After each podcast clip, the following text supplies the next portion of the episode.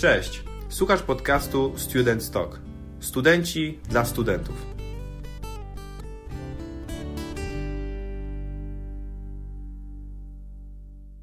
Antonina, jesteś e, studentką filologii polskiej. E, masz swój podcast Dwukropek na e, Akademii Adama Mickiewicza w Poznaniu. Do tego jesteś krytyczką literacką dla czasopisma Czas Kultury. Napisałaś swoją książkę Storytelling. Dostałaś nagrodę Studenckiego Nobla w dziedzinie e, dziennikarstwo i literatura i głównie do tutaj przyczyniły się do tego badania nad pamiętnikami chłopów. I o tym też chcę z Tobą ten temat poruszyć. Ale teraz Ty opowiedz kilka zdań sobie. To są oczywiście wielkie słowa, to teraz Ty opowiadaj. E, cześć. E, tak, ja jestem, ja jestem Tosia Tosiek. E, I faktycznie jestem, znaczy już nie jestem, dlatego że 15, 15 lipca skończyłam studia, obroniłam tytuł magistry mm, i teraz czekam na wyniki rekrutacji do szkoły doktorskiej, które rozmawiamy w piątek, a w środę już będę wiedziała. E, czy jestem doktorantką, czy, czy nią nie jestem.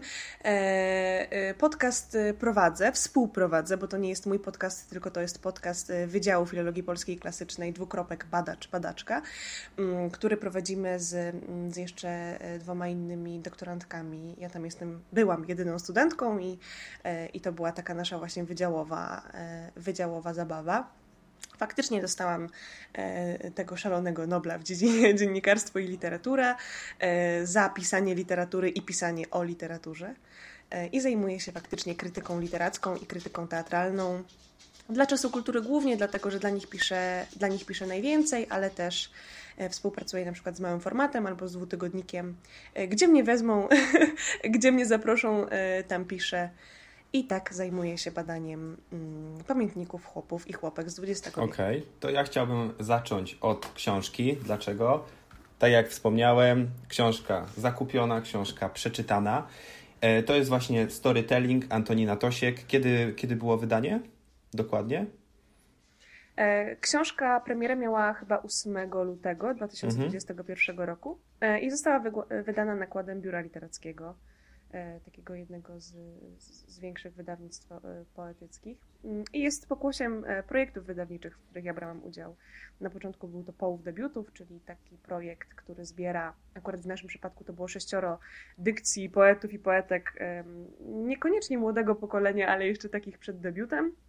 Mm, I nam się udało dostać do tego połowu właśnie, a potem rok później już był projekt pierwszej książki poetyckiej, z której jest storytelling Zaraz, zaraz zapytam Cię właśnie w ogóle, jaka była droga do tego, że Ty tą książkę napisałaś, ale powiem Ci, że jak szukałem tej książki, zakupiłem, patrzyłem na ilość stron, no dobra, 50, 52 strony, szybko ją połknę, przyszła, otwieram i jednak to nie jest taka, tak łatwa książka, jakby mi się wydawało. Książka jest niesamowita pod względem tego, że to jest po prostu inna książka. Ona jest głównie napisana no, wierszem. Każda, każda strona, czy prawie każda strona to jest jeden rozdział, jeden utwór, i na początku, jak zaczynałem ją czytać, to ciężko mi było zrozumieć o co chodzi. Jak doszedłem do połowy i przekroczyłem połowę, to nagle jakoś tak poczułem, że dobra, ja już wiem o co w tej książce chodzi, o co, w tych, co te utwory mają przekazać.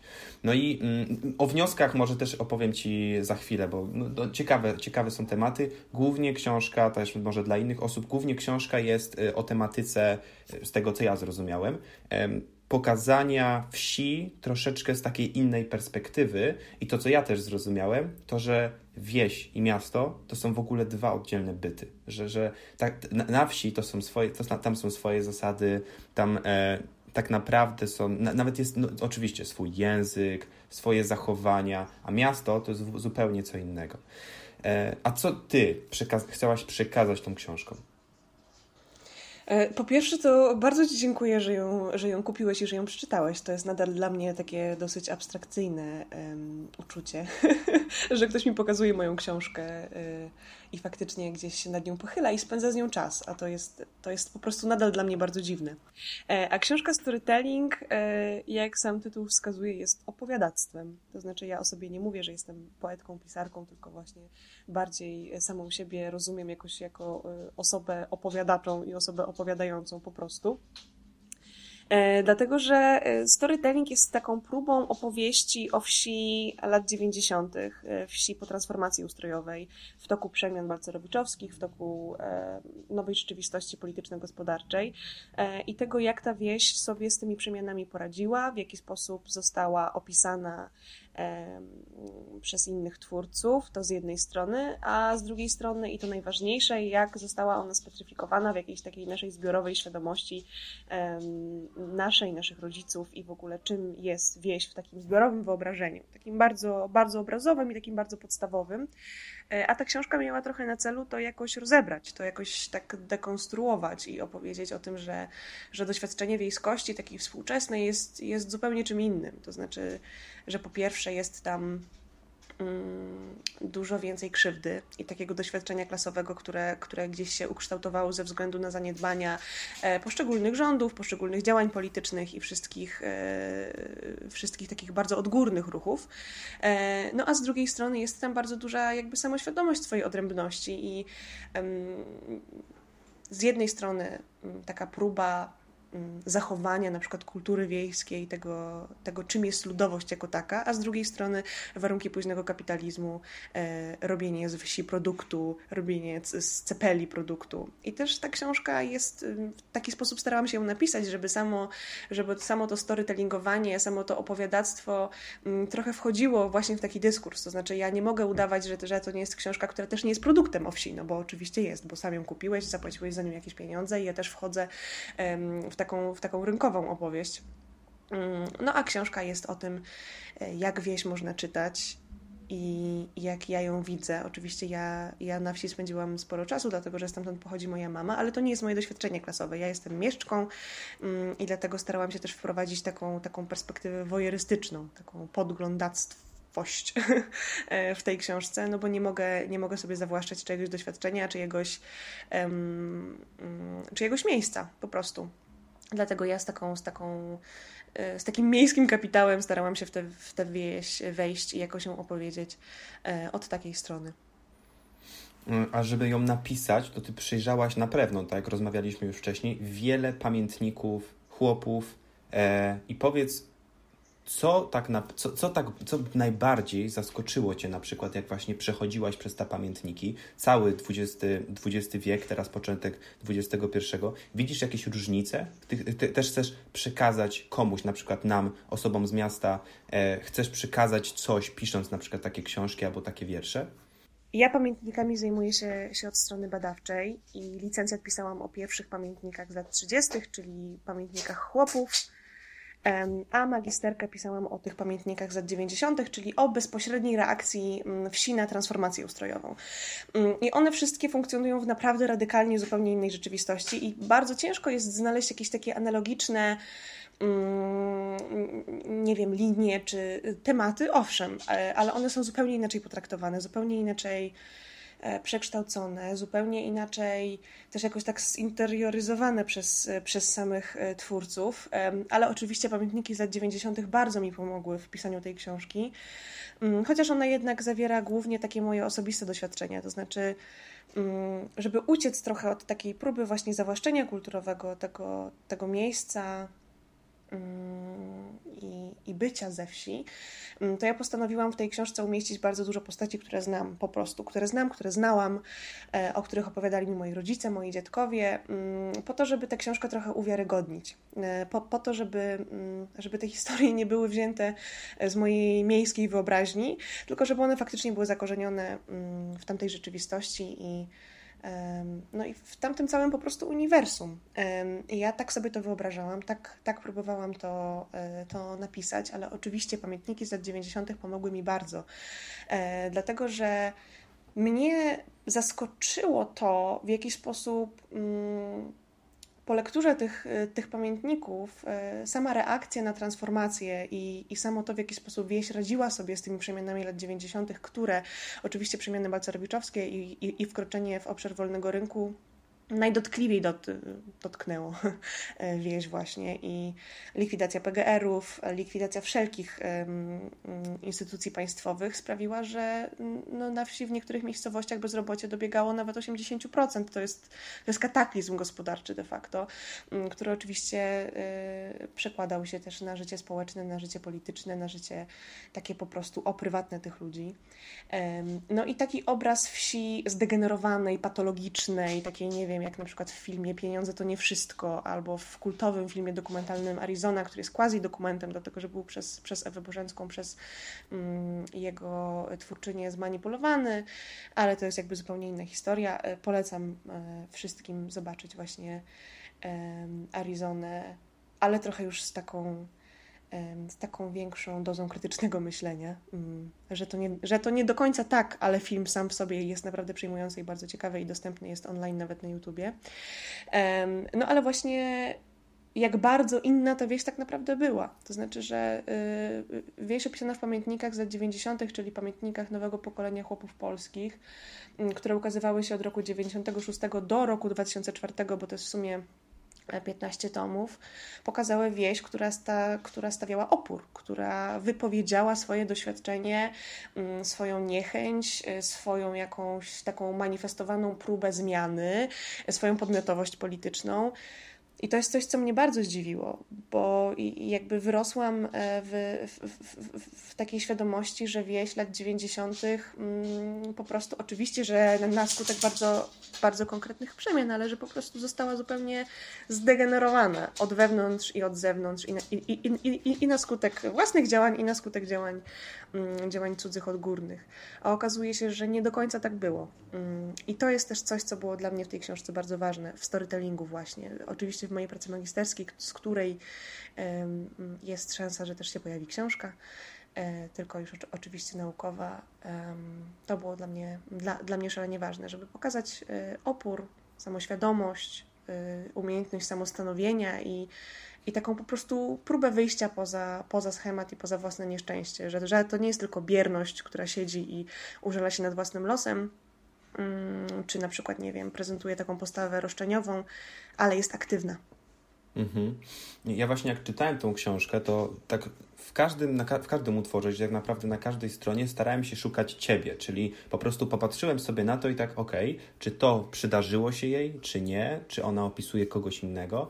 No, teraz sama powiedziałaś, że to są też twoje doświadczenia, więc też, też to było widać, że to jest troszkę inaczej napisane. Ale w, w ogóle na temat tej całej książki jeszcze chciałem cię zapytać, mm, napisałaś tą książkę w trochę innej postaci. Dlaczego? Bo na przykład nie ma tam w ogóle kropek, nie ma przecinków, nie ma innych znaków interpunkcji. Pytanie brzmi dlaczego? Czy to, była, czy to był Twój pomysł na pisanie wierszy, tak jak kiedyś mi mówiłaś, no, jak się spotkaliśmy wcześniej, że Ty już od samego początku, jak byłaś na studiach właśnie na magisterce, to tam zaczynałaś, podejmowałaś swoje pierwsze kroki e, właśnie w stronę pisania wierszy. Wtedy już to był taki Twój znak rozpoznawczy, że tak piszesz, a nie inaczej? To jest, to jest szalenie ciekawe pytanie. To znaczy, kiedy ja poszłam na studia, ja w ogóle ani nie chciałam e, pisać poezji, ani wydawało mi się, że tego nie potrafię, ani w ogóle nie miałam takiego pomysłu na siebie, absolutnie. Mm, tylko zaczęłam pisać poezję ze względu na zajęcia z pisania poezji na specjalności artystyczno-literackiej, którą, które prowadził dr Krzysztof Hoffman. Pozdrawiam Cię, Krzysiu, serdecznie. I to on mnie zmusił de facto do pisania wierszy, dlatego że co piątek o godzinie 23.59 trzeba było przesłać wiersz na, na zaliczenie.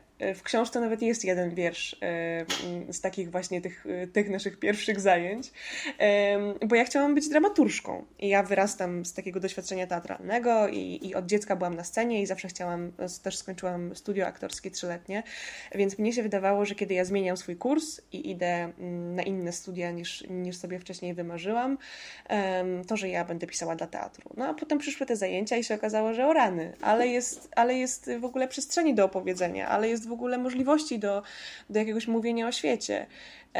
Ale ja wtedy pisałam bardzo różnie, to znaczy po prostu próbowałam, co mnie najlepiej wyraża. I na przykład teraz pracuję nad, nad książką, w której przecinki, kropki i wszystkie znaki przystankowe już się będą już się będą pojawiały.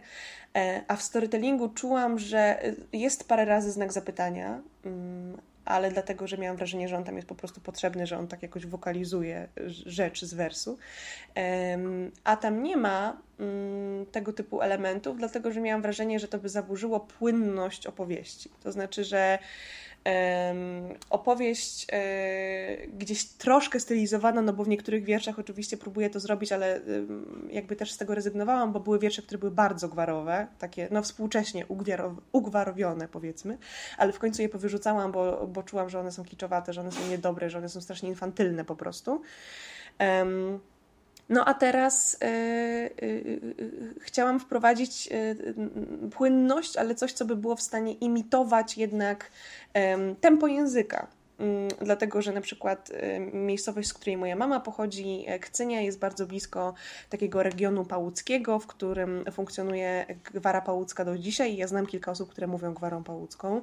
E, i miałam wrażenie, że jeżeli ja ze swoją intuicją e, podług zasad gramatycznych i interpunkcyjnych wprowadzałabym tam przecinki i kropki, zupełnie bym to zaburzyła, że zupełnie nie byłoby takiej um, takiej wolności w interpretacji tego wiersza po prostu. I oczywiście, że ja, kiedy ja go czytam, na przykład na jakichś spotkaniach autorskich czy na jakichś nagraniach, no to czytam go e, tak, jak ja to napisałam, czyli jednak z taką pewną gramatyczną, e, moją jakąś naleciałością, e, ale kiedy czyta to ktokolwiek inny, to wkłada tam mm, swój rytm mm, języka, który ma w sobie jakoś tak organicznie.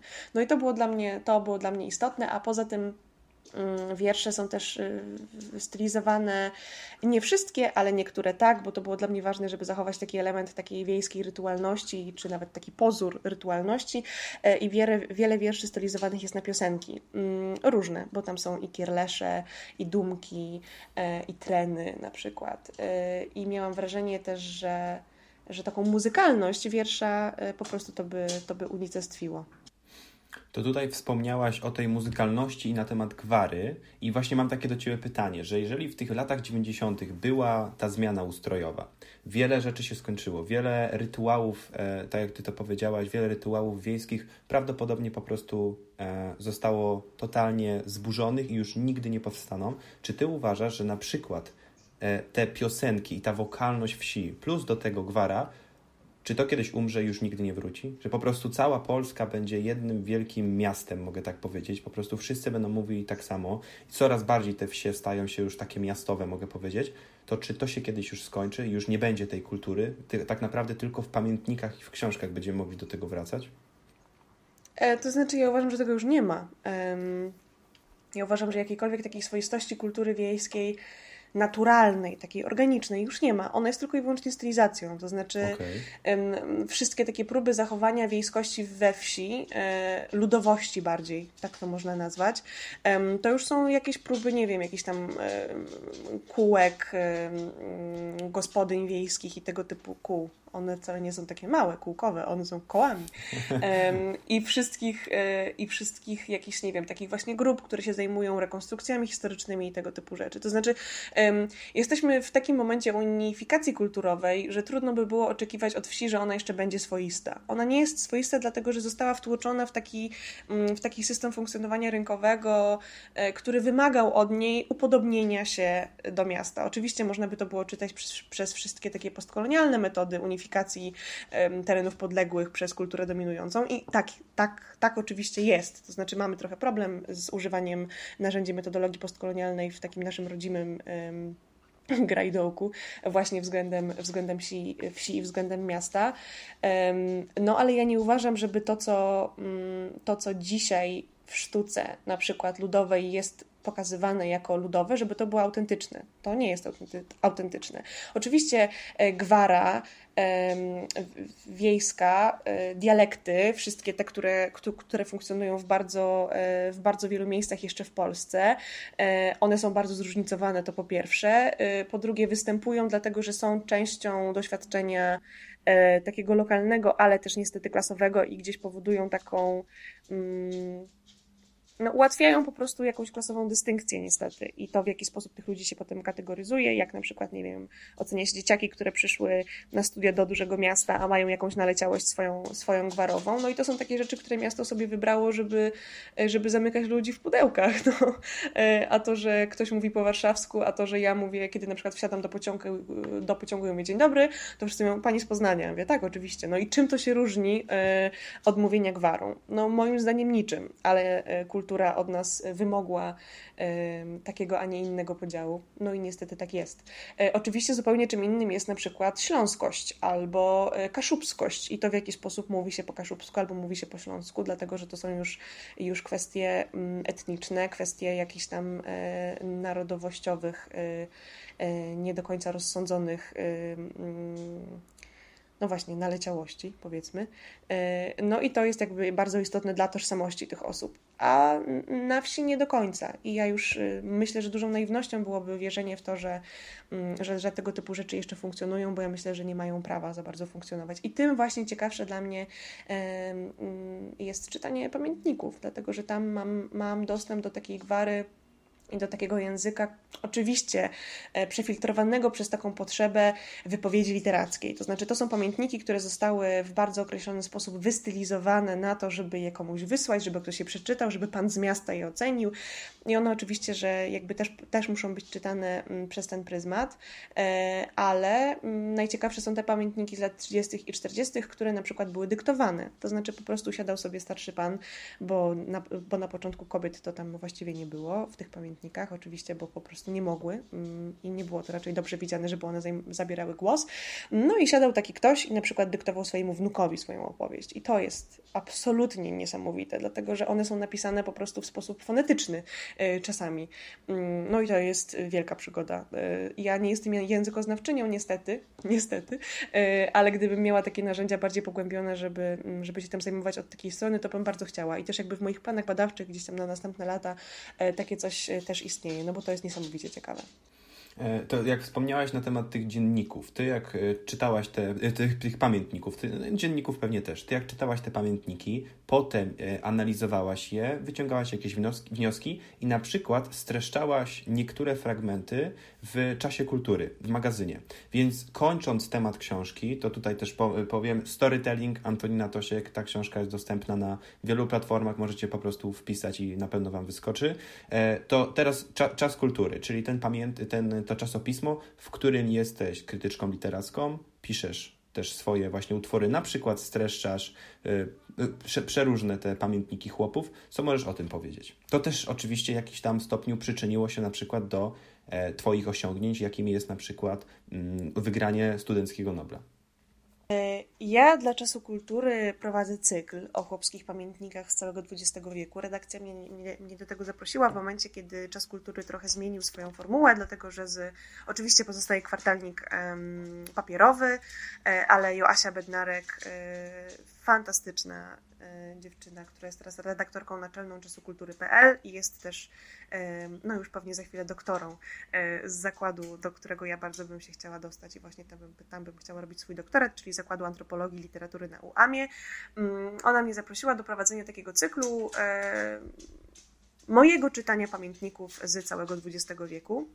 Mm, który miałby być e, taką jakąś formą wyboru, powiedzmy, e, takich fragmentów, które moim zdaniem byłyby najciekawsze i najbardziej jakieś taki, no najlepiej obrazowałyby klimat epoki, mm, byłyby najbardziej reprezentatywne e, dla zbioru, moim zdaniem. No i jakby dla mnie to w ogóle straszna frajda, wielka szansa, też taka po prostu badawcza, żeby się tym zająć. E, I przewidziałyśmy cykl na 7 odcinków, teraz już wiemy, że najprawdopodobniej będzie ich 8 albo nawet jeszcze więcej. I faktycznie teraz się ukazały chyba 4 dotychczas z czego jeden jest e, e, pamiętniki e, wsi polskiej 1939-1948, taki zbiór, który ukazał się dopiero w latach 60. Został podzielony na dwie części, dlatego że pierwsza część jest o doświadczeniu wojny, o partyzantce i o wszystkich tych innych takich stricte wojennych rzeczach, a część druga dotyczy już tylko i wyłącznie reformy rolnej, czyli największej rewolucji ludowej w historiach w historii XX wieku. Mm, no i oczywiście, że to jest y, trochę wyjście poza moją strefę komfortu, dlatego że tam nie ma analizy literackiej. To znaczy, to nie jest y, pisanie literaturoznawcze takie, jak ja uprawiam w swojej pracy badawczej, ale to jest bardziej taka przygoda Mm, dziennikarska po prostu, też trochę popularyzatorska.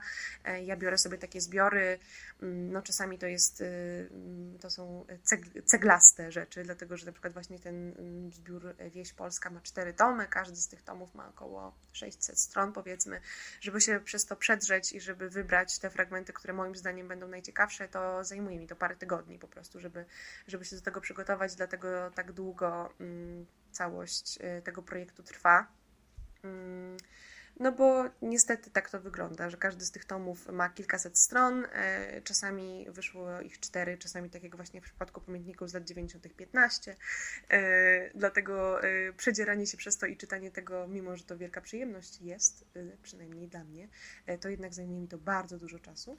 A zależało mi na tym, żeby bardzo dużo cytować. To znaczy, ja się staram nie streszczać chociaż czasami oczywiście muszę wprowadzić jakby taki, e, taki background i jakieś tam tło biograficzne na przykład dla autora czy dla autorki, a, ale bardzo zależało mi na tym, żeby trochę, mm, mm, trochę w takim w kolizji z tym, jak, jak, jak teraz się robi e, historię ludową, czyli na przykład, nie wiem, tak jak robi Adam Leszczyński czy, czy Kasper Pobłocki, oni się raczej skupiają na swojej interpretacji wydarzeń, a dla mnie istotne jest właśnie to, żeby oddawać głos tym jednostkom, które same chciały opowiedzieć swoje doświadczenia i swoją historię. Dlatego dlatego tak dużo tam cytatów, e, dlatego tak obszernie e, przytaczam te pamiętniki, bo to było dla mnie po prostu ważne. A poza tym, e, no nie byłabym w stanie sama oddać ich specyfiki i ich wyjątkowości, też takiej po prostu literackiej, gdybym je tylko i wyłącznie opisywała, czy jakoś tam, nie wiem, tworzyła takie regesty, jak na przykład w latach właśnie 60.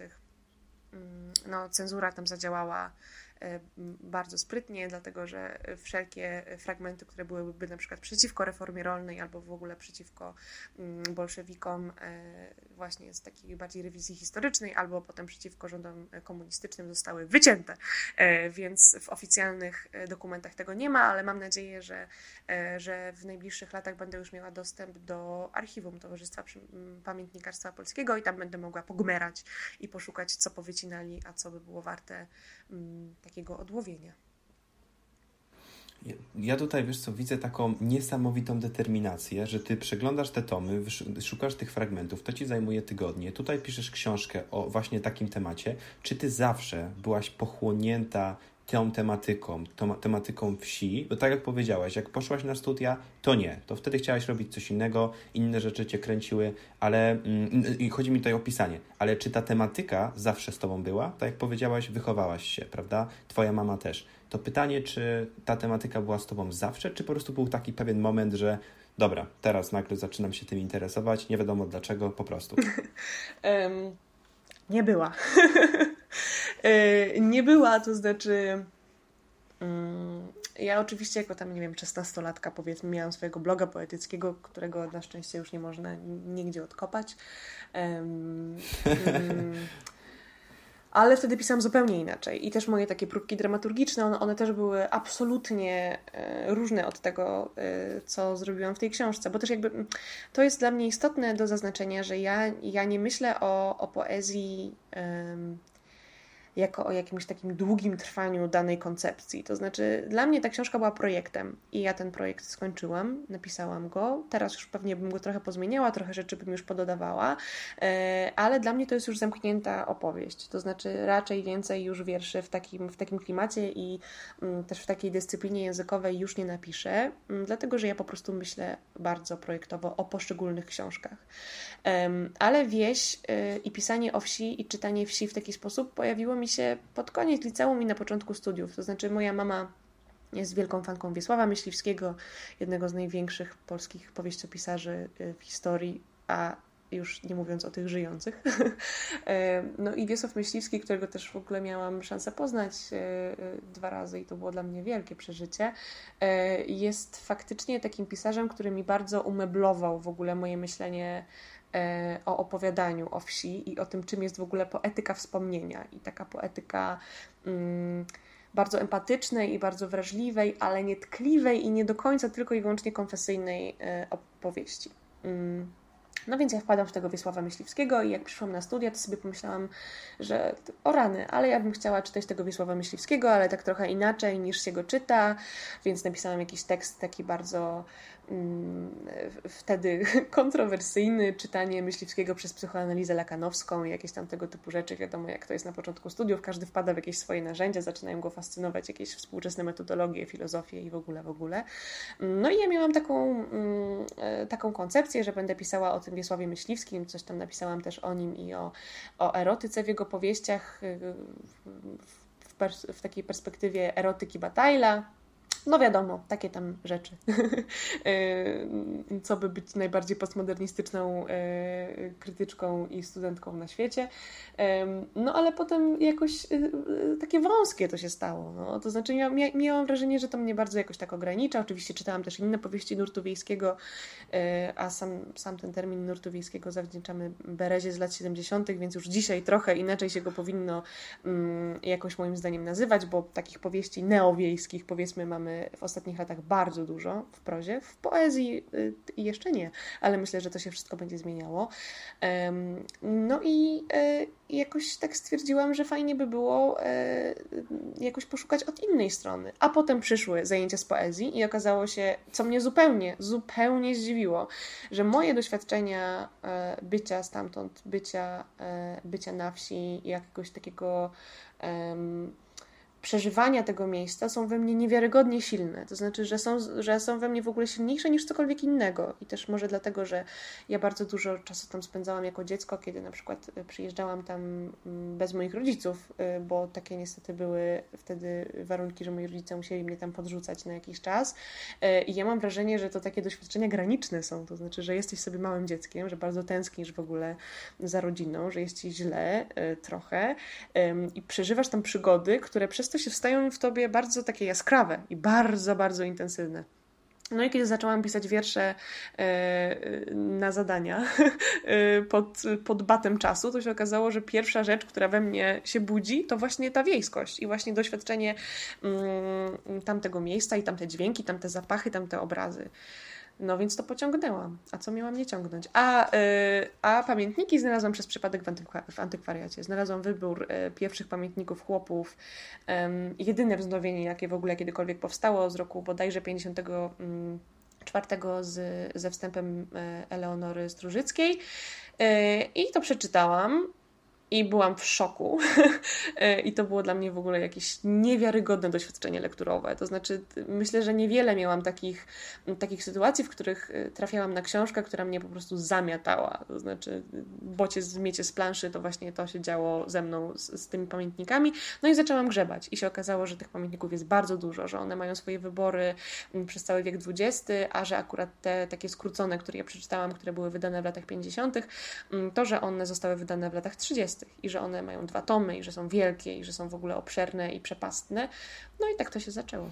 Tu, tutaj widzę takie dwie kwestie, dwie, dwie kwestie. Po pierwsze, to jest taki fakt, że jesteś kolejną osobą, której historia jest taka, u nas też w naszym podcaście, że idzie na studia ta osoba i nagle zmienia swoje życie o 180 stopni, czasami nie wiadomo dlaczego. I to jest przykład kolejny, kolejny, że nie można no, zawsze można, ale moim zdaniem nie powinniśmy iść w coś mówiąc tak, to jest moja droga, to jest tylko moja droga i nigdy nic innego nie będę robił. E, to, to jest moim zdaniem no, po prostu idealny kolejny przykład. Podpisuję się, tym, się pod tym rękami i nogami. To znaczy, kiedy ja szłam na studia, wyobrażałam sobie no w ogóle zanim poszłam na studia, e, to miałam przez wiele, wiele, wiele lat bardzo konkretny pomysł na siebie i ja byłam przekonana, że, że będę aktorką teatralną i nawet w jakichś tam, nie wiem, swoich pamiętnikach nastoletnich pisałam, że to nie ma znaczenia, co ja będę robiła w tym teatrze, że nawet jeżeli ja będę sprzedawała bilety, to, to, to najważniejsze, żeby być w teatrze. Um, i takie inne natchnione, patetyczne rzeczy mi się tam też zdarzały. No i ja bardzo wiele lat swojego życia temu poświęciłam. To znaczy, mm, wiadomo, że od dziecka byłam w przeróżnych jakichś szkołach teatralnych i tego typu innych miejscach, ale potem mm, zaczęłam chodzić na warsztaty, skończyłam szkołę przygotowującą mnie do egzaminów do, mm, do szkoły teatralnej, e, bo to jest e, taki hardkorowy proces bardzo, te egzaminy. Ktokolwiek się z tym zmierzył w jakikolwiek sposób, to wie. E, no ale mnie na szczęście w międzyczasie coś się przestawiło. To znaczy zakochałam się w ogóle na zabój i stwierdziłam, że ja nie mogę wyjechać z Poznania w takim razie i że ja muszę to jakoś pozmieniać, te swoje plany, ale takie powiedzenie sobie, że trzeba zmienić kurs i że trzeba siebie samego wymyślić na nowo, wydawało mi się zupełnie niemożliwe. To znaczy, ja byłam przerażona i to było dla mnie strasznie traumatyczne. I jakoś tak na początku to było dosyć siłowe, yy, bo o, na przykład stwierdziłam, że w takim razie to ja jeszcze nie wiem, co chcę robić, więc przez rok yy, pracowałam w knajpie, w której się nalewało zupy. Mm, osiem zup co rano trzeba było przelewać, próbować. Fajna przygoda, słuchajcie, zupy są ekstra. E, a potem, y, no i oczywiście niestety, ale zrobiłam to, co zrobiło większość studentów w takiej sytuacji, czyli zapisałam się na studia z sesją ciągłą, żeby mieć legitymację studencką. Przepraszam Cię, mój uniwersytecie, e, że to zrobiłam.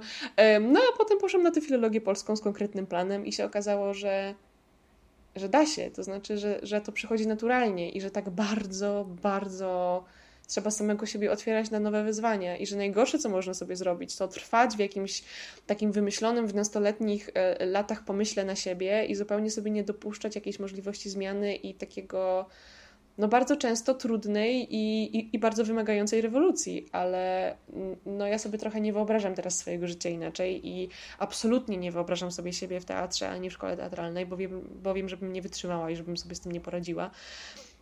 Mm, więc jakby odezwa. Słuchajcie, jeżeli jesteście, nie wiem, nastoletni, albo maturzystami i maturzystkami jesteście, albo jesteście na wczesnym etapie studiów i jeszcze nic nie wiecie i sobie myślicie, nie wiem, co mam zrobić z własnym życiem, albo gdzie mnie tam poniesie wiatr, to dajcie temu czas. To znaczy, dajcie się trochę ponieść temu, co was będzie ciekawiło na, na różnych etapach bo naprawdę jest warto takie wyzwania e, podejmować. I ja też e, na, na, każdym kroku spotykam takich ludzi, którzy mówią, że nic nie wiedzieliśmy o sobie, nie mieliśmy zielonego pojęcia i nagle pojawiło się coś, co nam w ogóle wszystko pozmieniało. No, także moim zdaniem po to są studia, to znaczy y, poza tym, że oczywiście wyposażają cię w określoną wiedzę, akurat ja moje studia kochałam, ale znam bardzo wielu, e, wielu młodych ludzi, którzy swoich studiów absolutnie nienawidzili, ale, ale był to dla nich czas takiego samorozwoju, rozwoju i szukania siebie. No i to jest chyba. Mm, to mój, mój tata na przykład zawsze mówi, że póki się jest na studiach, to się ma wariackie papiery. No i się je ma, no i niech się, i to jest świetne, że można, że można sobie w różne strony siebie ciągać wtedy przez te lata. To ja tutaj też coś takiego dopowiem. Jak twoja była taka historia że chciałaś być na początku w teatrze, to było, to było twoje marzenie, potem zmieniłaś tą drogę, poszłaś w taką, w taką stronę. U mnie to było bardzo podobnie, e, tylko tak jak każdy nastolatek, większość nastolatków, ja chciałem grać w piłkę. To była moja wielka pasja. Miałem etap, że naprawdę tam trenowałem po 6 godzin dziennie i byłem pochłonięty. To życie mnie zmieniło wtedy tak naprawdę nie miałem wielu przyjaciół wokół siebie, bo byłem po prostu spatrzony w jedną rzecz. I jak, jakiś tam był taki moment, pamiętam jak miałem chyba 17 lat, powiedziałem sobie, dobra, koniec, zmieniam swoje, swoje życie. I potem przez mniej więcej półtora roku walczyłem z taką myślą, że no poddałem się. Poddałem się i, i przegrałem, mm -hmm. ale I tak starałem się znaleźć przez ten czas coś, co tak jakoś usprawiedliwi to, czemu ja to zrobiłem. Było ciężko, ale po jakimś tam właśnie po kilka, kilku miesiącach um, usłyszałem takie zdanie, od, nie pamiętam czyje to było, ale e, właśnie z, chyba to z kimś rozmawiałem, coś takiego. E, też ta osoba chciała, e, grała w piłkę i powiedział mi coś takiego, że ja zawsze chciałem być piłkarzem, ale nigdy nie miałem być piłkarzem. I do mnie też coś takiego doszło, że a faktycznie, może faktycznie ja zawsze chciałem, ale nigdy nie miałem być piłkarzem. Może moja droga jest po prostu inna. Od tamtej pory życie się zmieniło. Ja wybrałem studia, na które nigdy nie pomyślałem, że y, będę w ogóle w stanie. Mogłem tylko marzyć o takich studiach, czyli studiowanie po angielsku. Nigdy nie myślałem, że to jest realne. Nagle okazało się, że tak. Życie się zmieniło. A, a propos tego właśnie takiego poszukiwania sensu, po co ja robię to, czemu ja idę na te studia, czemu ja poszedłem na ten kierunek, to ostatnio jestem po właśnie po przeczytaniu takiej książki Człowiek w poszukiwaniu sensu, e, chyba Wiktora Frankla. E, niesamowita książka opisująca faceta, który był lekarzem i przeszedł przez Auschwitz, przeżył I potem napisał o tym książki, chyba dwie, trzy, opowiadając generalnie o tym, w jaki sposób, nie z takiej perspektywy osoby, która była tylko więziona i były pewne zasady, nie, bardziej w jaki sposób on znalazł sens życia tam i potem. Y, niesamowita książka. I on powiedział, że lata y, po tym, jak wyszedł z Auschwitz, udało mu się przeżyć, y, powiedział coś takiego i napisał właśnie w tej książce, że on znalazł trzy drogi, w jaki sposób człowiek może znaleźć, znaleźć sens. Czyli taki właśnie sens, jaki ty znalazłaś i jaki ja znalazłem na tym etapie życia, na którym jesteśmy. E, powiem o dwóch. E, jedna w ogóle taka jeszcze sprawa oprócz tego jest taka, że powiedział właśnie ten Wiktor, że e, nie ma czegoś takiego jak sens życia do końca. Jest tylko sens na pewnym etapie życia. My za rok jesteśmy innym człowiekiem. Ty za rok będziesz inną Antoniną, ja za rok będę innym Mateuszem. Rok temu to już był inny człowiek. Nie ma co szukać sensu do końca życia. To jest złudne. To jest tylko jakaś utopia. I to, co powiedział e, ten Wiktor a propos tych takich dwóch dróg, w jaki sposób możemy ten sens znaleźć, to jest jedna poznać kogoś, jakiegoś człowieka, po prostu. I poznanie tego człowieka już może spowodować, że ty zmienisz swoją perspektywę. To jest idealne na studiach. Otwieramy się, poznajemy nowych ludzi. Czemu na przykład na studiach często znajdujemy sens życia? No bo jest człowiek, który nam coś powie i my nagle zakochujemy się w tym. Li w liceum często jesteśmy zamknięci w swoim gronie, a na studiach się otwieramy. O, popatrz. A druga perspektywa to jest zrobić coś, co do tej, do czego do tej pory tak naprawdę albo tylko dążyliśmy, albo nawet o tym nie myśleliśmy. Typu wyjechać w góry, pojechać w Bieszczady, e, zrobić cokolwiek innego i nagle okazuje się, że tak, wtedy też zdobędziemy taki sens mhm. życia. Ja już też opowiadałem w tym e, w podcaście swoją drogę, jak wybrałem te moje studia, ale tylko jedną rzecz powiem. Idealnie to się akurat tutaj zlewa do tego, co powiedział ten, co napisał ten Wiktor w książce.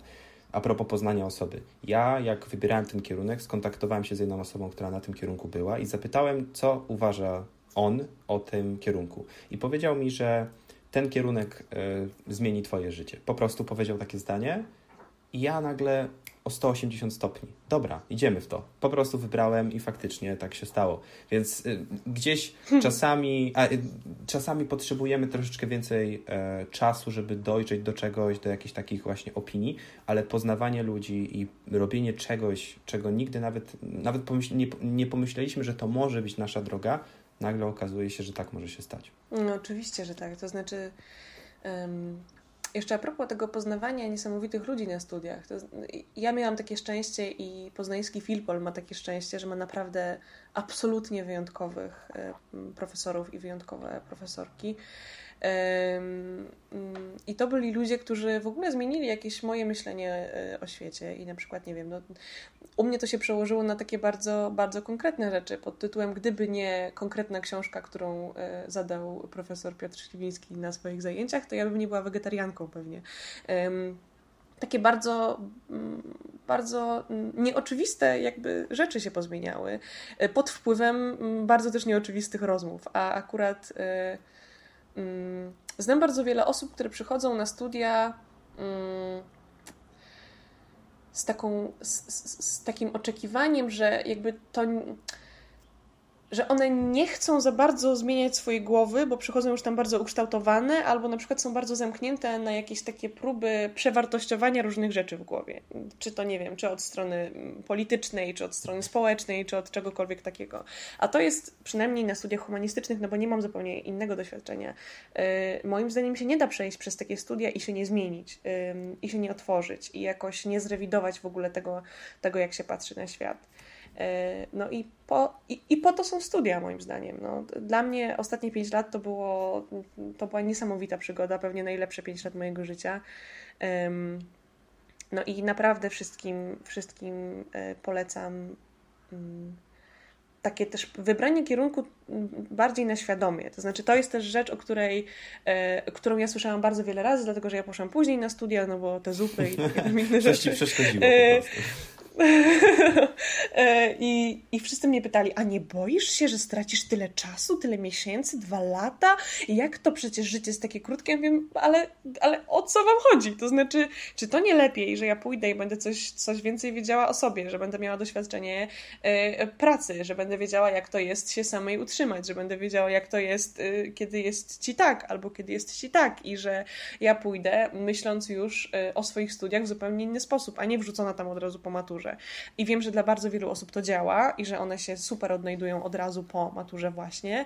Um, no ale nie zawsze tak jest. I ja na przykład się cieszę, że poszłam na studia później, bo na pewno na 100% byłoby to dla mnie zupełnie innego rodzaju doświadczenie. I też na przykład znam bardzo dużo osób, które, um, które się po prostu poprzenosiły, że na przykład spędziły 3 lata tu i już im tylko tyle, tylko tyle im brakowało do obrony licencjatu na przykład, a one nagle stwierdzały, że nie, to nie jest to. Mam taką serdeczną koleżankę, fantastyczną y, animatorkę i artystkę Zuzannę Stach. Zuzia, y, Ciebie też pozdrawiamy. Zuzia to jest y, przyszła podcastowa guru, moim zdaniem.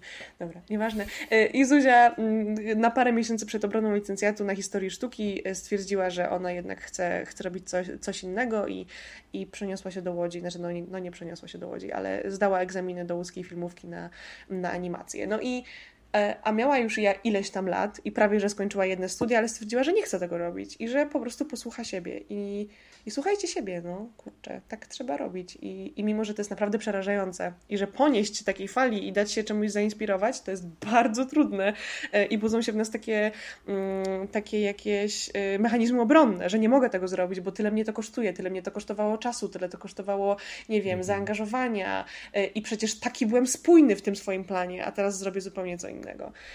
Ale to moim zdaniem naprawdę warto. A, jeszcze jest inny sens życia i moim zdaniem to jest taki podpunkt czwarty i są to pieski.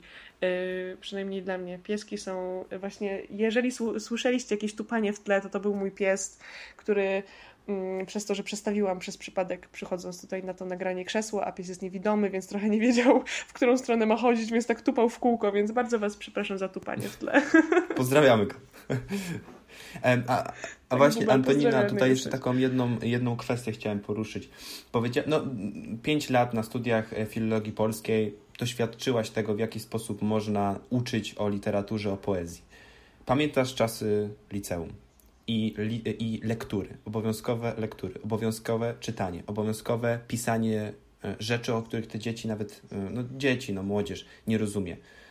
Czy uważasz, że coś powinno się zmienić? Czy uważasz, że ten system, który. No, ty jednak wyszłaś, poszłaś na tą filologię polską i pewnie rzadko się spotyka osobę, która od samego początku chce iść e, w taki kierunek, ale właśnie co zrobić, żeby tą młodzież bardziej tak jakoś rozwinąć w taką tematykę właśnie literatury, kontemplacji sztuki, rozumienia troszkę takiego głębszego sensu, a niekoniecznie tylko bardzo proste rzeczy. Przecież może być człowiek, który jest fizykiem i też jest bardzo rozwinięty w stronę właśnie literatury i sztuki, prawda?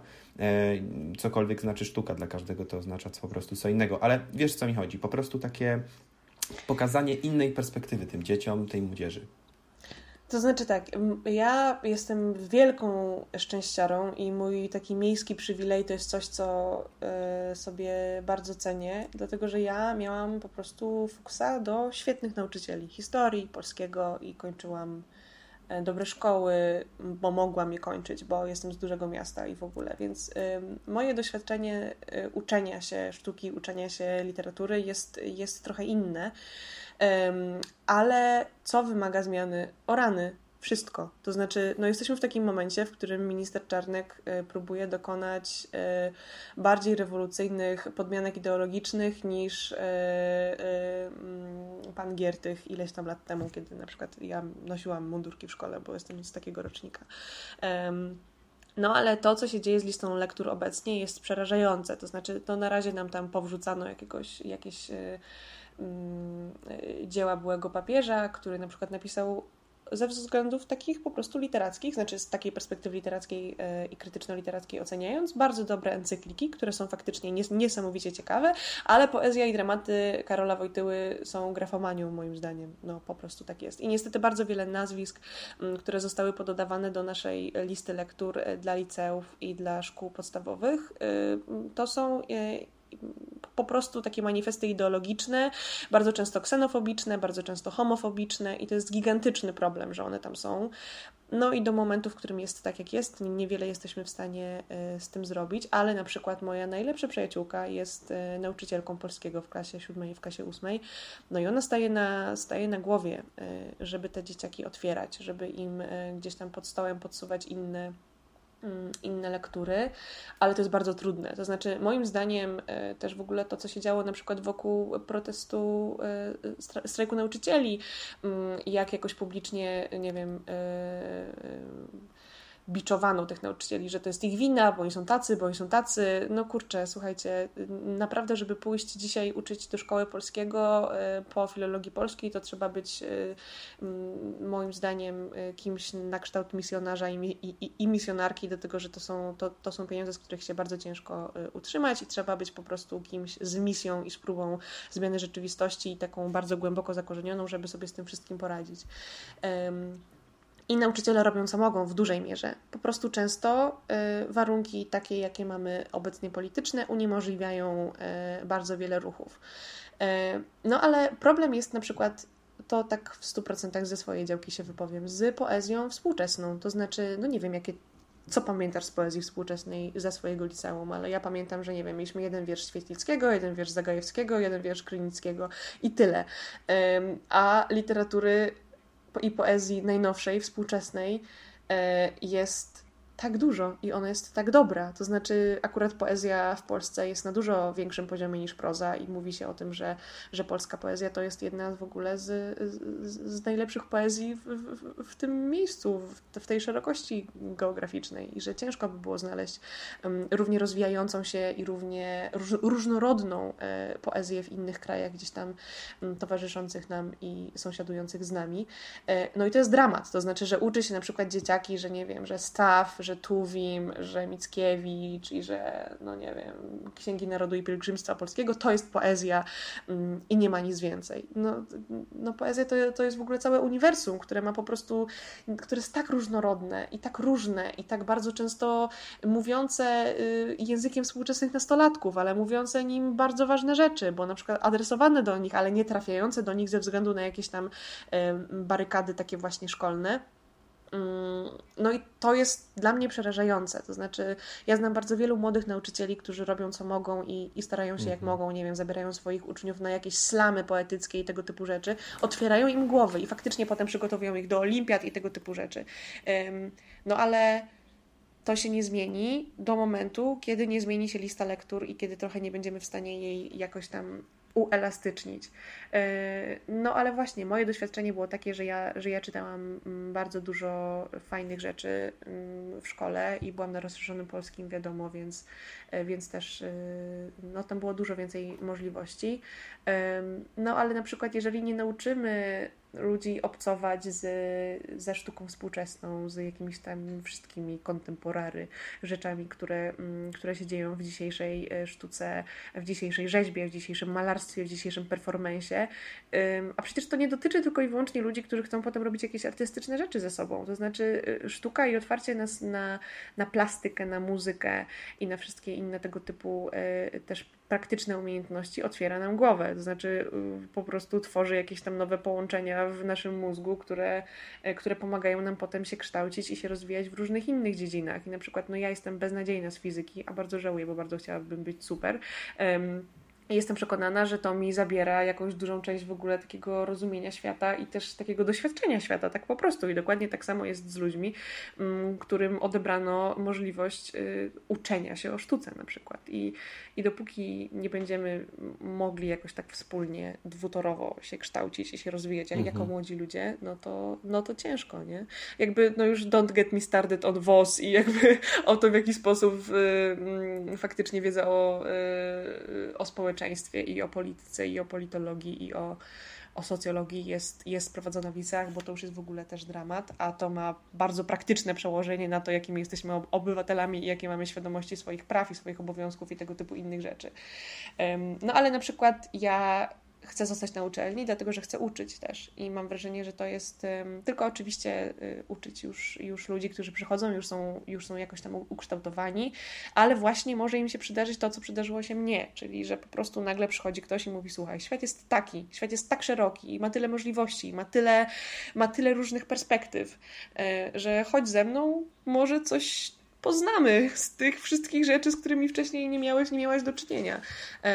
No a niestety do, do takich dzieci młodszych, e, ja, co prawda ja prowadzę zajęcia teatralne dla dzieciaków młodszych, ale ja po prostu, no i to jest jakby moja, moja wielka pasja i moja wielka frajda, ale tam robimy co chcemy i tarzamy się po podłodze i krzyczymy rzeczy i tam jest nam po prostu razem dobrze. Mm, a ja po prostu czuję, że ja nie odnalazłabym się w takiej, w takiej sytuacji instytucjonalnej, w której muszę zrealizować bardzo konkretne podpunkty i nie mogę tam włożyć e, za dużo z siebie, a ja po prostu bym się z tym nie zgadzała i byłoby mi w tym ciężko. No i mam nadzieję, bo też tak jak widzę, to się, to, to, to się zmienia. To znaczy jest coraz więcej bardzo młodych nauczycieli e, z pasji i, i z powołania. Straszne to jest, że mówimy o tym powołanie, no ale takie są warunki ekonomiczne nadal e, tego zawodu. Mm, no i mam nadzieję, że e, że coraz więcej będzie takich, takich możliwości trafienia na jakichś tam szalonych nauczycieli, nie tylko w prywatnych i społecznych szkołach, ale też w takich szkołach, do których się posyła swoje dzieciaki między blokiem 7 a 6 i między 2. No, no. A jakie miałeś doświadczenia z, po, z polskiego w liceum? Jakie wiersze na przykład pamiętasz? Pamiętasz coś w ogóle z wierszy? Ja, o czym my w ogóle rozmawiamy? Ja też jak skończyłem liceum, to dopiero wszedłem w ten temat właśnie takiej poezji. Sam pisałem wiersze jak właśnie o, tak, proszę. też miałem etap e, miłości, wiadomo, trzeba było gdzieś e, podzielić się tym i po prostu trzeba było wylać na papier. Gdzieś idzie za mną takie zdanie, że kontemplacja kultury, sztuki jest najlepszym i najszybszym sposobem, żeby siebie poznać. Po prostu, że jak Oczywiście, się w to idzie, że... pisze się, czyta się, ogląda, patrzy się na ten obraz, ale nie z perspektywy wydawał się większy, ale z perspektywy o co chodzi, e, to jest droga, żeby poznać, jedna z dróg, żeby poznać siebie. No i najgorsze jest to, że, w taki, że, że polska szkoła bardzo często nam mówi, że to jest strata czasu. To znaczy uczy takiego postrzegania na przykład osoby, które chcą się rozwijać w kierunkach technicznych, jakichś tam e, ekonomicznych, matematycznych, whatever, e, że, e, że to jest rzecz, która po prostu im się nie opłaca. Mhm. No nie? I jakby w ogóle sama, sama kapitalistyczna kategoria opłacalności no jest naszym współczesnym dramatem i a co się bardziej opłaca niż, niż jakaś taka świadomość i dyscyplina własnej głowy? Głowy i myślenia o świecie w bardziej otwarty sposób. No, no niewiele rzeczy, ale do momentu, kiedy to, się, kiedy to się nie zmieni i kiedy jakoś tam wszyscy pojedynczo nie będziemy skubać swojej małej drogi w odpowiednią stronę, no to no to ciężko, ciężko. No, dlatego ja podziwiam wszystkich rodziców, bo e, w dzisiejszych warunkach wychować dziecko e, świadome, mądre i takie jakieś czujące się bezpiecznie samo ze sobą i w ogóle ciekawe świata to jest no, to jest wyczyn. To jest wyczyn. I właśnie jest blisko do tego, co na przykład już powoli zaczyna powstawać w krajach skandynawskich, e, że idzie się w stronę szkół, które niekoniecznie mają pewno pewne założenie, tak jak u nas w Polsce, ale tam nie wkłada się w szkołach dzieci e, do jakichś takich szafeczek, że tutaj mamy rozszerzona matematyka, tu mamy rozszerzony polski, a tu fizyka. Nie. Tam idzie się w stronę szkół, w których Przychodzi dziecko i jest uczone wszystkiego, po prostu wszystkiego, dotykane wszystkiego, ale też chodzi o to, że jakby takie poczucie, to dziecko ma takie poczucie, że to jest fajne, że to jest dobre, że, że próbuje nowych rzeczy, a niekoniecznie jest zamykane w tej szufladce albo w tej. I tutaj jeszcze dopowiem, to też powiedziałaś a propos tej uczelni. E, ja miałem kiedyś właśnie tak cały czas idzie za, za mną to zdanie, że jak się idzie na uczelnię, typu na studia właśnie, to dowiadujesz się, że nic nie wiesz. I to jest piękne. I w końcu tak, za słowo, że nic nie wiesz, nie jesteś karana. Tak jak to było na przykład w liceum, w podstawówce. Mówisz no, nie wiem i dzięki, tobie, dzięki temu, że ty to mówisz, otwiera się perspektywa. E, I Mhm. Co prawda pierwsze miesiące mogą tak. być trudne, kiedy dostajesz sylabusy tych wszystkich przedmiotów, jesteś przerażony, że nic nie wiesz, ale słuchajcie, to jest właśnie ta tak, przygoda. To, to, dopiero potem się zaczyna to rozkręcać. E, I tutaj idźmy teraz dalej do tematu, jak mówiliśmy też na temat profe, profe, o, o, profesorach, to idźmy do Twojego podcastu, ale zanim, bo jeszcze podcast dwukropek, oczywiście on jest właśnie prowadzony z e, gośćmi, są właśnie profesorzy z Twojej uczelni. U mnie, znaczy u mnie, w naszym podcaście mamy studentów. Jedno tylko zdanie takiego komentarza. Zauważyłem, że i to jest coś pięknego. Zauważyłem, że podczas naszej rozmowy często mówisz, mm, jakby dajesz formę, e, formie męskiej, dajesz formę żeńską. Na przykład misjonarz, misjonarka, profesor, profesorka, twórca, twórczyni. Powiem Ci, że to jest świetny zabieg ty w końcu pokazujesz, że można tworzyć język teraz, a nie, bo język jest cały czas ruchomy i ty tworzysz ten język. Bo ca cały czas się mówiło forma męska i nie można tego zmieniać, a ty zmieniasz tą formę na właśnie formę damską. Ja też powoli zaczynam w to iść, zaczynam to dostrzegać, że kiedyś w ogóle tego nie widziałem, a teraz to widzę, że po prostu trzeba zacząć używać tej formy żeńskiej i my w końcu stworzymy ten język. Znaczy w ogóle z feminatywy, znaczy jasne, dla mnie feminatywy są bardzo ważne i, i staram się je wrzucać wszędzie tam, gdzie się da. sama kiedy, kiedy piszę teksty, nigdy nie piszę czytelnik, zawsze piszę czytelniczka i nawet nie piszę czytelnik i czytelniczka, tylko piszę czytelniczka, dlatego że ja jestem czytelniczką, a poza tym statystycznie więcej czytelniczek mnie czyta niż czytelników, a poza tym dlaczego czytelnik e, ma zbierać całą tę grupę osób, które będą z tym, e, z tym tekstem obcowały, dlatego ja sobie to przemianowałam na czytelniczkę i tak to, e, tak to uprawiam. Ale poza tym czasami jak ktoś coś mówi o feminatywach, to wiele osób na przykład mm, używa takiego argumentu, że no jasne, no rozumiem, ale to tak dziwnie brzmi, no bo przecież pilot i pilotka. Dokładnie, a... to samo. No a jakby ja to rozumiem, to znaczy w momencie, w którym, w którym sama zaczęłam e, używać na przykład e, słowa dramaturżka, no jest to słowo, które brzmiało wtedy dla mnie obco, ale prawda jest taka, że na przykład w latach dwudziestych feminatywy królowały w języku polskim, to znaczy prakty, praktycznie, mm, praktycznie każdy zawód był e, odmienialny, co też bardzo specyficzne, że nie mamy problemu z tym, że jest pielęgniarka, że jest przedszkolanka, to, to teoretycznie powinno brzmieć tak samo dziwnie, ale jesteśmy z tym osłuchani, dlatego że to są zawody, które gdzieś się zaczęło utożsamiać y, z jakąś taką właśnie sferą kobiecą, a to jest tylko i wyłącznie kwestia przyzwyczajenia. Y, I jeżeli z tych przyzwyczajeń nie będziemy trochę jakoś rzucać im wyzwań i nie będziemy ich jakoś rozciągać, no to nic się nie będzie w języku zmieniało, a dla mnie jest to w ogóle y, bardzo, bardzo, bardzo istotne. Mm, no i na przykład sama czasami jeszcze mam jakiś problem z, mm, z taką odmianą e, niebinarną e, mm, ono na przykład. Teraz ostatnio pisałam taki tekst e, o niesamowicie ciekawej osobie twórczej właśnie, czyli o Łukaszu Kazimierczaku Łucji Kutik, która nie posługuje się bezpośrednio ani damską, ani męską odmianą. Czasami posługuje się i taką, i taką, ale bardzo często posługuje, posługuje się po prostu androgynę e, osobą nijaką. No i e, w tym tekście jakby przez pierwsze tam, nie wiem, 4-5 zdań y, musiałam pilnować tego, żeby, żeby tak o tym myśleć i żeby tak o tym mówić, mimo że, że bardzo często mhm. po prostu y, mówię Łukasz Łucja. no ale to jest niesamowite, to znaczy rzucanie nam takich wyzwań językowych i faktycznie wkraczanie y, takich osób, które jakoś zaczynają y, no, poszerzać nasze myślenie o rzeczywistości i o tym, czym jest płeć i o tym, czym jest też płeć w języku, tak w ogóle, y, no jest czymś niesamowitym. Ja się bardzo cieszę, że widoczność takich osób jest zwiększana, ale ostatnio miałam taką refleksję z moją koleżanką, że, że jakie to jest niesamowite, że my jeszcze jakby czasami musimy się pilnować, żeby w taki sposób zmieniać język, a na przykład dla pokolenia naszych dzieci, jeżeli nie umrą z suszy i, i słońce ich nie spopieli, to będzie to już dla nich zupełnie naturalne. No i to jest coś niesamowitego i ja uwielbiam obserwować, jak język się zmienia i jestem, y, jakby wierzę w to, że język jest dla nas, a nie my dla języka i że, i że trzeba to no i że trzeba to po prostu pielęgnować i praktykować i też y, no ja sama na przykład używam bardzo wielu wtrąceń jakichś angielskojęzycznych albo takich potocyzmów łamane na y, memiczne jakieś odniesienia, dlatego że no, uważam, że po prostu język, którym my się posługujemy jest już na pewno inny niż ten, który sobie wyczytaliśmy z jakiegoś takiego uzusu mm, wzorowego. No, Także tak. A sam podcast, na przykład dwukropek, też się nazywa Badacz, Badaczka, e, dlatego że prowadzimy podcast, w którym rozmawiamy z pracownicami i pracownikami naszego wydziału, ale to są nie tylko osoby z tytułami naukowymi, już takimi wyższymi, ale tam też są na przykład doktoranci i doktorantki. Ja miałam właśnie wielką, e, wielką frajdę porozmawiać z Asią Bednarek, o której już tutaj mówiłam, czyli z redaktorką naczelną czasu kultury.pl.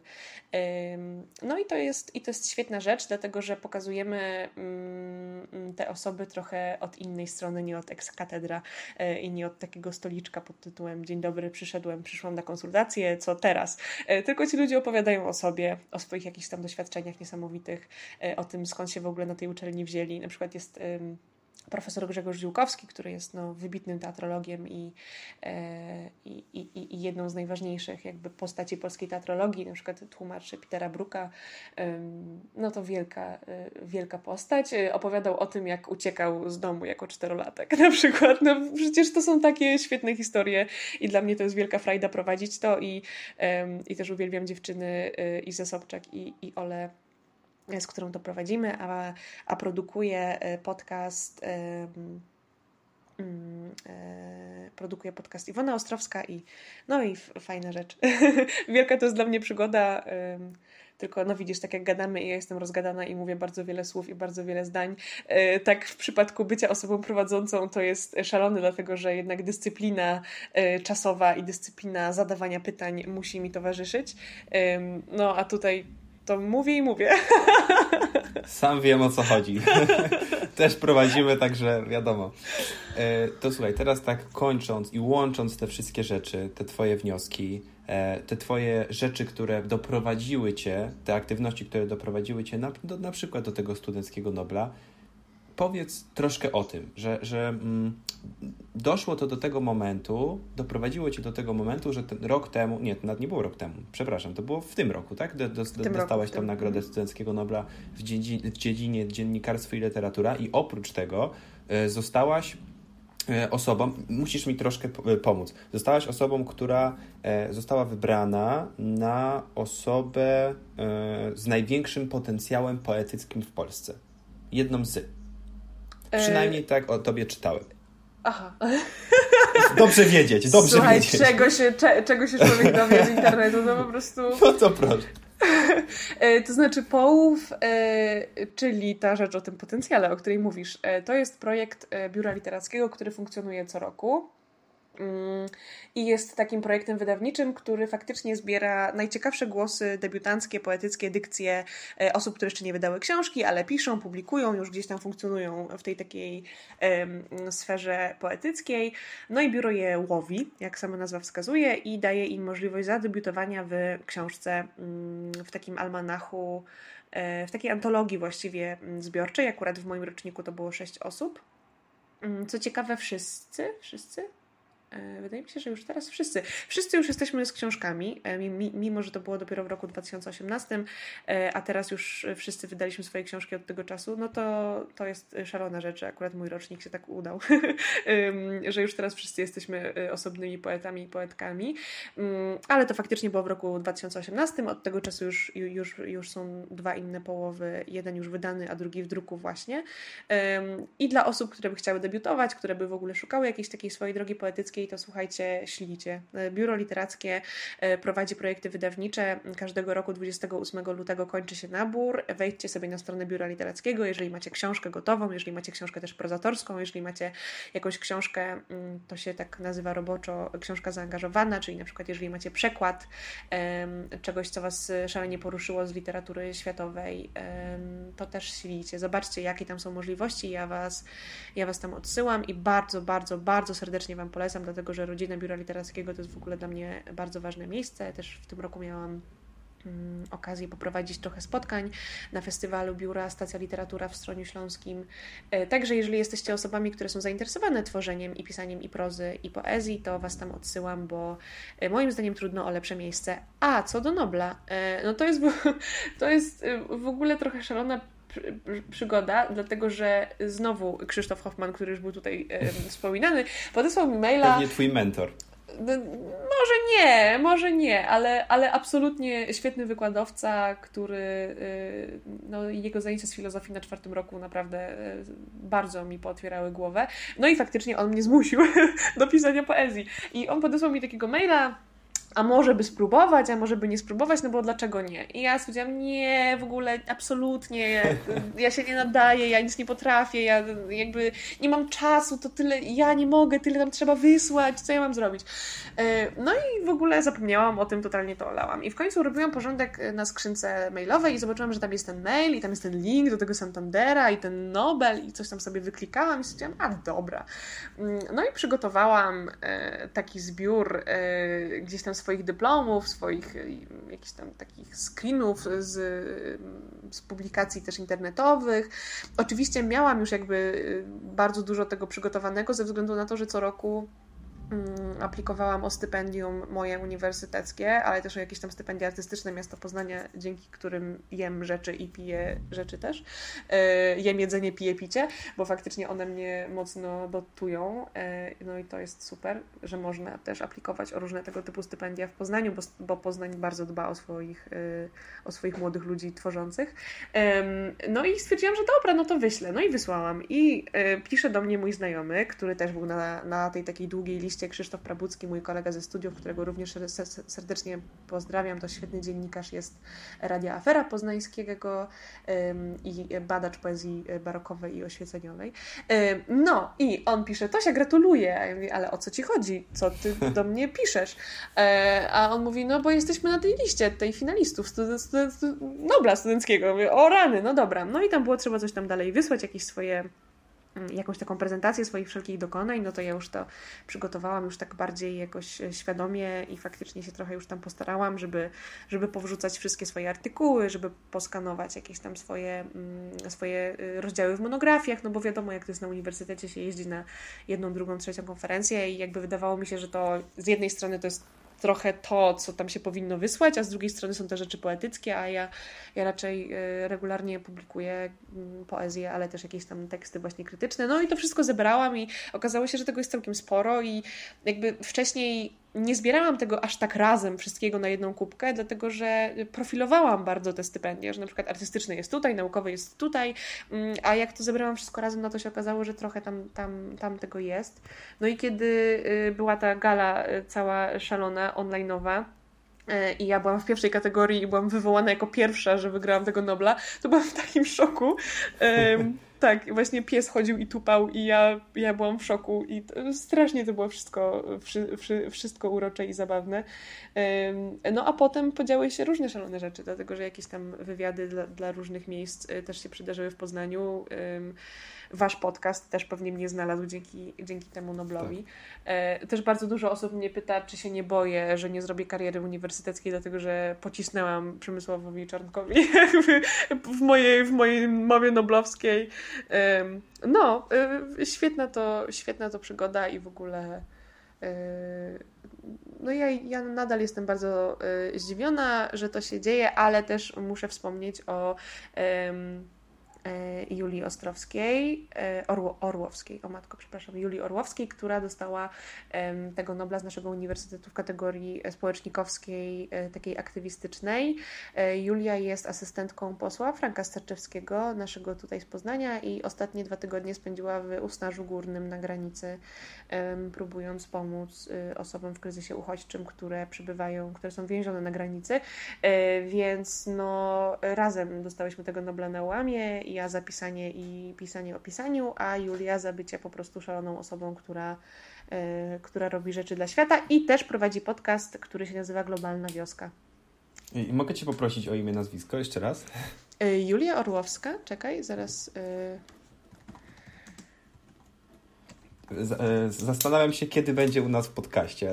A, no widzisz, no widzisz, tak, jest, jest to, e, tak, Julka Orłowska i Julia jest, e, ona jest studentką, ona jest w ogóle jakoś na początku swojej drogi studenckiej, bo jest chyba na drugim roku na stosunkach międzynarodowych. To absolutnie wspaniała dziewczyna i naprawdę no, to też w ogóle śmieszne, bo jak dostałyśmy tego Nobla, to się spotkałyśmy po raz pierwszy, bo Julię wszyscy znają na uniwersytecie, a mnie nie zna nikt, ja, ja po prostu siedzę jakby w książkach, a Julia jest taką osobą, która jest bardzo rozpoznawalna i e, kiedy przyszłyśmy udzielać jakiegoś tam wywiadu dla uniwersytetu, to wszyscy ją znali i wszyscy cześć Julka, cześć Julka. I my zaczęłyśmy ze sobą rozmawiać i się okazało, że skończyłyśmy nawet to samo liceum, e, drugie liceum w Poznaniu. I że w ogóle to miałyśmy wspólnych nauczycieli i takie tam rzeczy, a się w ogóle nie znałyśmy nigdy, także taka przygoda szkoda. Świat jest mały. Świat jest bardzo mały. No. Antonina, ja Ci bardzo dziękuję. Y, czy jest jeszcze coś, co na końcu chciałabyś przekazać? Y o rany. Ciężkie y, pytanie. Słuchajcie, no czytaj, czy, czytajcie poezję polską bo może się okazać, że myślicie sobie o niej zupełnie inne rzeczy niż, niż ona faktycznie reprezentuje. Mamy tak niesamowicie różnorodne języki w Polsce poetyckiej, jeżeli szukacie, nie wiem, poezji cybernetycznej, poezji posthumanistycznej albo poezji e, desko, deskorolkarskiej na przykład. E, Michał, Michał Mytnik, e, mój serdeczny kolega z Krakowa, razem ze mną z projektu pierwszej książki wydał właśnie swoją książkę poetycką. E, Hood Shit ona się nazywa i ona jest właśnie na przykład o byciu jeżdżeniu na deskorolce pod blokiem. Także słuchajcie, no, y, poezja jest y, niesamowitym światem i y, nie wiem, jeśli na przykład szukalibyście czegoś dla siebie, to nawet możecie się do mnie odezwać. Hej, co nam polecisz do poczytania, a ja wam przygotuję, co możecie sobie poczytać. Bo, bo mm, to jest taka bardzo skrzywdzona i jakoś upupiona i strasznie zinfantylizowana odnoga polskiej literatury. Teraz nam króluje reportaż, a poezja robi rzeczy. Słuchajcie, naprawdę robi, robi super rzeczy. Także y, czytajcie i się nie bójcie podejmować wyzwań, bo czasami tak jest, że macie jakiś pomysł na siebie, a, a warto się czasami trochę podcykać i zmienić swoją drogę, bo fajne rzeczy z tego mogą wyjść. No, fajne. Super. Antonina, jeszcze raz bardzo Ci dziękuję, że byłaś w naszym podcaście. Ja też Wam bardzo dziękuję za, za zaproszenie i życzę Wam e, powodzenia w innych rzeczach. Także Mateusz, e, no super mi się z Tobą rozmawiało. Dzięki. Dzięki wielkie.